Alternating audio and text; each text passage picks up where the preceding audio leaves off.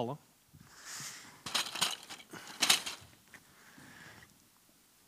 Velkommen hit på gudstjeneste. Vi er eh, inne i en serie som Birger sa, som heter 'Du vil ikke angre'.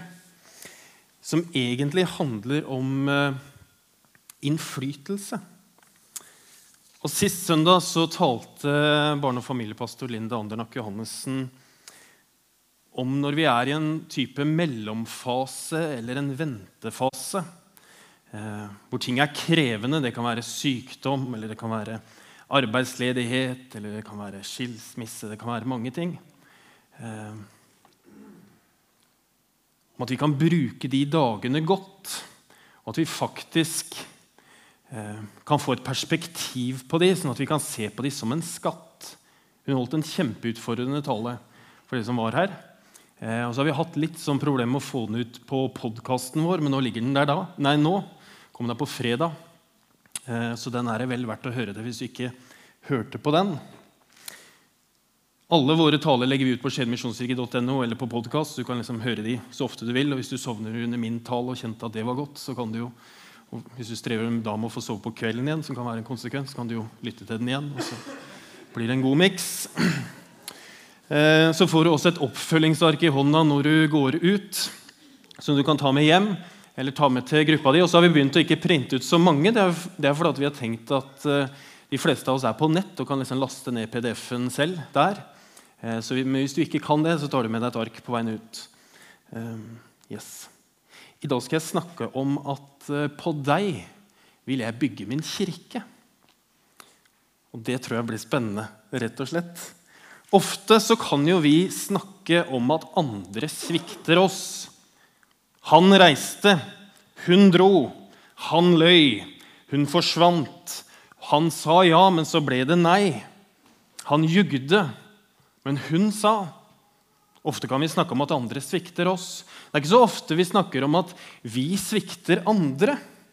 Når vi lyver, eller når vi ikke kommer og har sagt at vi skal komme, og det sitter noen og venter, og så kommer vi ikke allikevel.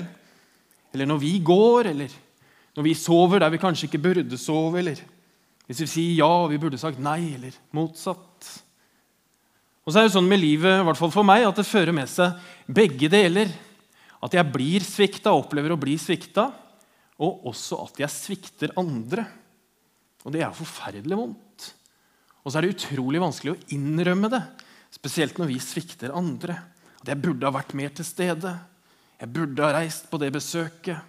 Jeg burde. Jeg burde. Og Noen ganger så har jeg opplevd at jeg føler at jeg svikter Gud. Og jeg ikke var modig nok, eller torde ikke gjøre det som jeg følte at jeg burde. Eller gjorde noe gærent igjen, liksom. Og Så blir jeg irritert på meg selv, men ofte så blir jeg utrolig skuffa over meg selv. Og så tror jeg at jeg ikke er god nok, og i hvert fall ikke god nok for Gud hvis jeg svikter på det området, at han ikke kan bruke meg lenger. Og kanskje at han dømmer meg for det jeg har gjort. Og så kan jeg tenke at Hvis jeg har fått oppleve kanskje noen vil jo kalle det et kall eller liksom en plan eller liksom en spesiell tiltale fra Gud, og hvis vi da svikter ofte igjen og igjen kanskje på de samme tingene, så, så gjør det kanskje at Gud trekker det tilbake igjen og sier at vet du hva, nå har du svikta så mange ganger at nå, nå, nå, kan jeg ikke bruke deg lenger. Jeg vet ikke hvor du er. Jeg har ikke tenkt at vi skal ha sånn håndsopprekning. Kunne jo vært fristende. Jeg spør hvor mange av dere er som følger av svikt av Gud. og så rekke opp en hånd, du skal slippe det. Men det kan jo hende at du har opplevd noen gang at Gud har kalt deg til noe spesielt, eller, eller liksom utfordra deg på noen spesielle ting og så har du sagt nei. Eller at du, det skjedde ting i livet som gjorde at det ble ikke sånn som du hadde tenkt. Det var liksom noe som skjedde som kanskje du ikke hadde kontroll på engang. Og så har du tenkt etterpå hva i all verden hadde skjedd hvis det ikke hadde skjedd? Eller hva hadde skjedd hvis de hadde sagt ja? Hvis de hadde flytta til den byen eller dratt ut på den reisen eller gjort det eller gjort det? Vi skal bruke litt tid på å se på historien til en som heter Peter. Og Peter han var en av disiplene til Jesus. Vi kan lese om ham i alle evangeliene. og ut i apostlenes gjerninger. Og så har han også skrevet et par brev som vi har fått kopi av. Men Peter han elska Jesus. Han var høyt og lavt. Han tok ord i forsamlingen, elska å være midtpunkt, elska å bli sett. Eh, han gikk jo til og med på vannet sammen med Jesus og en av ja, to personer som har gjort det. Og Samtidig som han var på en måte høyt og lavt Jeg ser liksom for meg som en sånn litt sånn liten, tett type. Jeg tror vi har et bilde av han faktisk. Jeg har ikke skrudd på fjernkontroll. Der ser vi. Bilde av Peter. Litt sånn liten, tett, kraftig, sterk stemme. Ønska å bli sett av Jesus, elska Jesus høyt. Og Samtidig så var han sårbar og usikker. Opprinnelig så er jo Peter fisker, og det var jo han sammen med Andreas som ble, en av de, eller ble de to første disiplene eh, når de fiska i Genesaretsjøen. Og Peter han følger Jesus overalt. Han hører alle historiene som Jesus forteller. Han eh, ser de fleste av miraklene som Jesus gjør, og Jesus helbreder jo til og med hans svigermor. Og det er jo en god ting. Eh, men Peter har et enormt ønske om å bli velsigna av Jesus. Og så er det en historie i Johannes 15 når Jesus vasker disiplenes føtter. Så skjer dette. Han kommer altså Jesus til Simon Peter, og Peter sier, 'Herre, vasker du mine føtter?' Jesus svarte, 'Det jeg gjør, forstår du ikke nå, men du skal forstå det siden.' 'Aldri i evighet skal du vaske føttene mine', sier Peter, for det var jo bare tjenere og slavere, slavere og slaver som gjorde. 'Men hvis jeg ikke vasker deg, Peter, så har du ingen del i meg', svarte Jesus. Da sier Peter, 'Herre, ikke bare føttene, men hendene og hodet også.' Fordi Peter ville bli velsigna av Jesus. Og så er, Han sier jo om det er liksom bare, ikke bare føttene Jesus, men vask hele meg. Vask hele meg ren, for det trenger jeg. Og Av og til så tenker jeg at vi, vi, vi har en tendens til å tro at det Jesus gjorde på korset, ikke var godt nok. At når han døde på korset for våre synder, så var det på en måte bare litt sånn halvveis og at vi må gjøre en del ekstra ting. At vi må lese mer i Bibelen, vi må um, gå mer på møte, vi må be mer, vi må synge mer, kanskje. Også, også fordi vi av en eller annen grunn ikke tror at det Jesus gjorde, var nok. Og så tenker jeg ikke at vi nødvendigvis gjør det bevisst, men jeg tror vi gjør det litt sånn ubevisst. At det ligger en sånn tanke, sånn, noe som bare kommer, om at du er ikke god nok, du må gjøre mer. Du kan da ikke bare vaske føttene mine, Jesus. Du må gjøre noe mer. Og så er det et høydepunkt i Peters historie med Jesus hvor det kommer en stor bekjennelse som vi rett og slett bare skal lese. Da Jesus kom til distriktet rundt Cesarea Filippi, spurte han disiplene sine, 'Hvem sier folk at menneskesønnen er?' De svarte, 'Noen sier døperen Johannes, andre Elia, og andre igjen Jeremia eller en annen av profetene.' 'Og dere', spurte han, 'hvem sier dere at de er?' Bare sånn lite tips.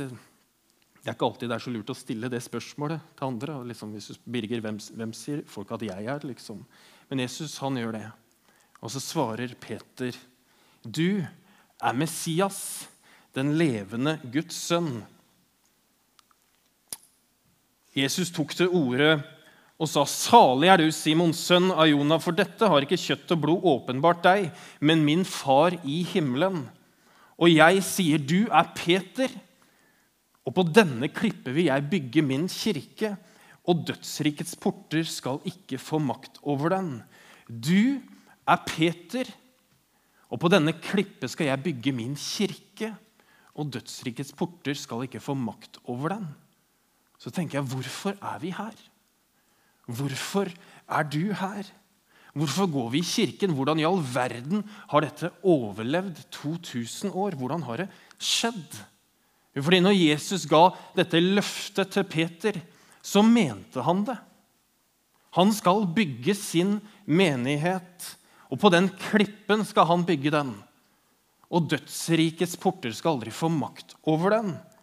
Noen ville jo være lutheranere. Andre vil jo være metodister eller baptister eller pinsevenner, mens andre er jo misjonsforbundere, sånn som meg. Og så tenker vi hva i all verden er det, da? Hva betyr det egentlig? Være misjonsforbunder. Men så vil vi jo krangle om nattvær, og vi gå nesten til krig om dåp. Men det som er felles for oss alle, er bekjennelsen til Jesus. At du er Messias, den levende Guds sønn. At Jesus Kristus er Guds sønn som døde for alle våre syndere. At det er godt nok. Så hvorfor er vi da her? Jo, fordi Jesus er sentrum i menighetene. Han ga et løfte, og han holder sine løfter. Så kan jo du velge å ikke være med. Du kan jo velge å surre rundt med dine ting der du er. Det er jo helt opp til deg. Men Jesus han bygger sin menighet. Han har gjort det i 2000 år, og han vil gjøre det i mange, mange år til. Det som er litt trist, det er det at når man oversatte det Jesus sier han skal bygge sin kirke, så var det en tysker som brukte da ordet 'kirke'. Og så tenker vi at kirke er et bygg eller et sted. Eller sånn som her. Men det grunnordet som Jesus bruker, er noe som heter eklesia. Og det betyr egentlig en forsamling eller en gruppe med mennesker. En gjeng, liksom. En bølge av folk som følger etter Jesus. Men så kan du jo si, Martin, Det er jo ikke riktig nødvendigvis det at, at vi skal bygge kirke. For det er jo Jesus som gjør. Noen tror jo at det er vi som er mennesker, som skal bygge denne kirken. At vi skal streve og jobbe og bygge og bygge og bygge til vi blir helt utslitt. Og Det er jo helt feil. For det er jo Jesus som bygger sin kirke, men han trenger noen å bygge den på. Og han trenger å bygge den på mennesker. Deg og meg og Peter. Og så kan jo vi så ut og vanne og strø ut liksom ting og tang for å så og plante. Men det er jo Jesus som gir veksten, og det er jo utrolig deilig. Og ikke skulle ha ansvar for at veksten kommer, for det er det jo Jesus som gjør. Men vi har jo ansvar for å så, for å plante, for å vanne og for å være noen som Jesus kan bygge sin menighet på. Og så møter Peter sin største utfordring. Fordi han syns det er helt forferdelig, for Jesus har snakka masse om at han skal dø. Og det syns Peter er helt forferdelig, så han sier til Jesus vet du hva, det må du ikke gjøre. Må du holde opp å snakke om det der at du skal dø hele tiden? Og Så sier Jesus, vik, vik bak meg, Satan, sier Jesus til Peter. Du har ikke tanke for det som Gud vil. Du har bare tanke for det som mennesker vil. Og så holder Jesus en tale om hva det vil si å følge etter Jesus, og den kan du lese i Matteus 8. Men selv om Peter ikke vil at Jesus skal bli tatt til fange, og han, så kjemper han for det. Han kjemper litt, han tar jo til og med opp et sverd og så hogger han ikke huet av, men øret av en mann som heter Malkos. Og Så helbreder Jesus det øret, og så blir Peter kjemperedd, og så stikker han av. Men han stikker ikke av så veldig langt, han stikker bare av lett, så han kan følge med på avstand hva som skjer. Og når han er på avstand, så fornekter han Jesus. Da sier tjenestejenta til Peter, 'Er ikke du også en av disiplene til denne mannen?' 'Nei', svarer han. 'Det er jeg ikke.' Imens sto Simon Peter og varmet seg, og da sa de til ham, 'Er ikke du også en av disiplene hans?' Men han nektet og sa, 'Nei, nei, nei, det er jeg ikke.' En av øversteprestens tjenere, en slektning av ham som Peter hadde hugget øret av, sier, 'Så ikke jeg deg i hagen sammen med ham?' Men Peter nektet igjen, og straks gol hanen. Det er ikke sikkert at du fornekter Jesus, men det kan godt hende at du følger ham på avstand. For å sjekke hvordan det går, og hvordan går i menigheten nå. Liksom, hvordan løser de den konflikten? Hvordan løser de det som skjer nå? Får de det til, liksom? Og hvorfor driver de med det? Kan det funke, liksom? Eller? Altså, det er på avstand av Jesus. Det er utrolig lett å fornekte ham. En menighet av mennesker som følger Jesus på avstand, det fører til bedrevitere, til forstå seg på-ere. Frustrasjon fører det til, konflikt, og til slutt så fører det til død. Mens en menighet som består av mennesker som lever nærme Jesus, det fører til varme, til inkludering, til raushet. Det blir ettertrakta, det blir vekst, det blir for, forandring, innflytelse. Og så gjør det Jesus synlig når vi følger Jesus tett. Så ønsker vi å være en sånn menighet som består av, av mennesker som er langt borte, som er nærme, som tviler mye, som tviler lite, som følger Jesus på avstand og som følger Jesus tett. Vi ønsker å være en menighet som består av full pakke, full bredde, og det er plass til deg hos oss uansett hvor du er i det bildet her. Men vi ønsker å kommunisere at vi ønsker å følge Jesus tett. Og vi ønsker å hjelpe mennesker sånn at vi kan følge Jesus tettere. Jeg tror Peter hadde forferdelig vanskelige dager etter at han hadde fornekta Jesus, fordi Jesus hadde jo sett det. Han hadde jo sett Peter i øynene rett etter at hanen Gol han sa nei. Jeg kjenner han ikke. Og så prøver jeg å forestille meg hva som foregår inni hodet til Peter. Av frustrasjon og sinne og liksom skuffelse. Jeg kan kjenne det igjen på liksom min egen kropp. Han, hva, hva, nå, Jesus? Liksom? Vil du trekke tilbake det du sa liksom, for noen uker siden når du sa at på deg vil jeg bygge min kirke. Gjelder det fortsatt? Jeg har jo liksom svikta deg på det verste tidspunktet. Og så blir det et magisk møte nesten nede ved Tiberiasjøen noen dager senere. Etter de lengste dagene og kanskje noen uker av Peters liv. For han hadde jo sett Jesus levende sammen med disippelgjengen før. Men han hadde ikke hatt noe personlig møte sånn øye til øye ansikt til ansikt med Jesus, og det trengte Peter. Siden det står i Johannes 21, siden åpenbarte Jesus seg enda en gang for disiplene ved Tiberiasjøen. Simon Peter Thomas, som ble kalt Tvillingen, Nathanael fra Kana i Galilea og Sebedeusen og de to andre av disiplene hans var sammen der. Så sier Simon Peter til de andre nå går vi og fisker. Nå var de ferdige, liksom. Går vi og fisker, så går vi tilbake igjen til det vi har vært. For nå er det ikke noe poeng lenger.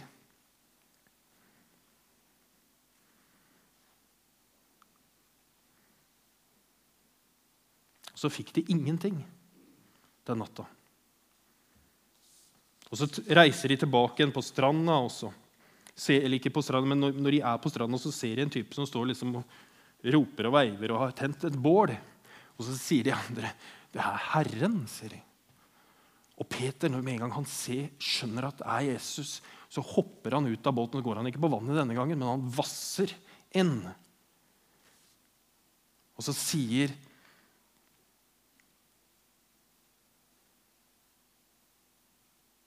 Peter For da, i mellomtiden her, så har han ropt 'kast garnet ut på den andre siden', også fordi garnet er fullt av fisk. og Det er da de ser det er Herren. Så kommer de inn. Og så griller de fisk med Jesus. Skal vi lese hva som står? Dette var tredje gangen Jesus åpenbarte seg for disiplene etter at han var stått opp fra de døde. Da de var ferdig med måltidet, sier Jesus til Simon Peter.: Simon, sønn av Johannes, elsker du meg mer enn disse? Han svarte, Ja, Herre, du vet at jeg har deg kjær. Jesus sier til ham, Fø lammene mine. Igjen for annen gang sier han, 'Simon, sønn av Johannes, elsker du meg?' 'Ja, Herre, du vet jeg har deg kjær', svarte Peter. Jesus sier, 'Vær gjeter for sauene mine', og så sier han for tredje gang. Det er nesten som at han på en måte skal gni det inn liksom tre ganger igjen. 'Simon, sønn av Johannes, har du meg kjær?'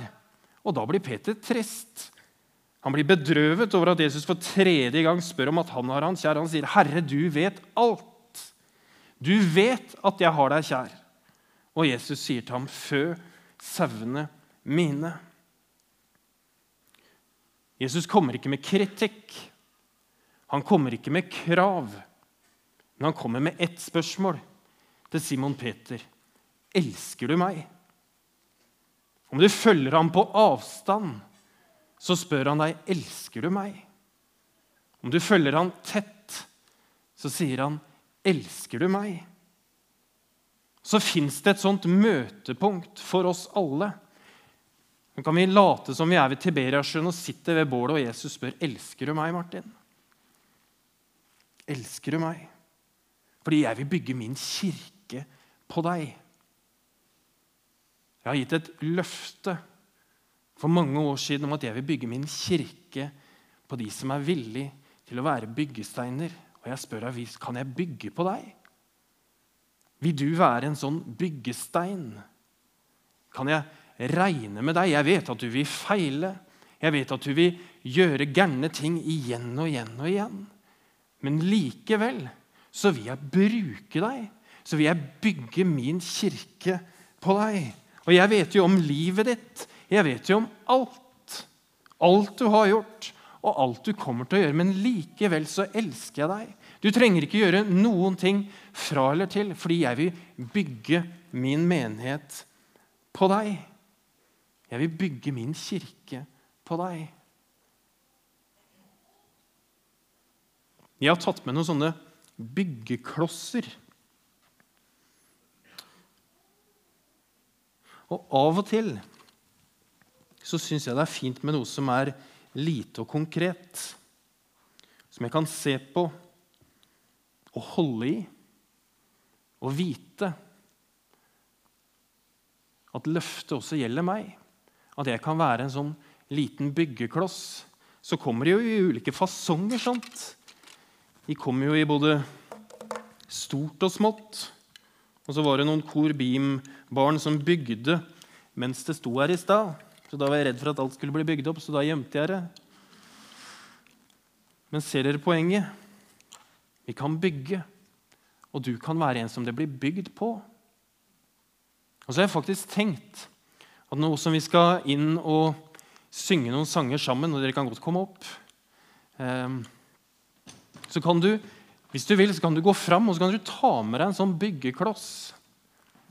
Og så kan du tenke uansett om jeg har mye tro eller lite tro, eller om jeg tviler masse eller er usikker på mange ting, så kan du komme fram og si vet du hva?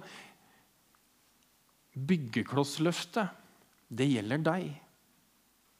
Det gjelder deg. Uansett hvor du er, så vil Jesus gjerne bruke det.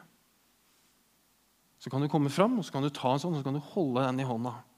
Og når du, så kan du ta den med hjem, og når du, tvil, når du kommer i vanskelige situasjoner eller tviler eller lurer på hva i all verden nå, liksom, så kan du holde den i hånda så hardt at det gjør vondt, for å liksom kjenne at yes, Jesus, du vil bruke meg. Skal vi be?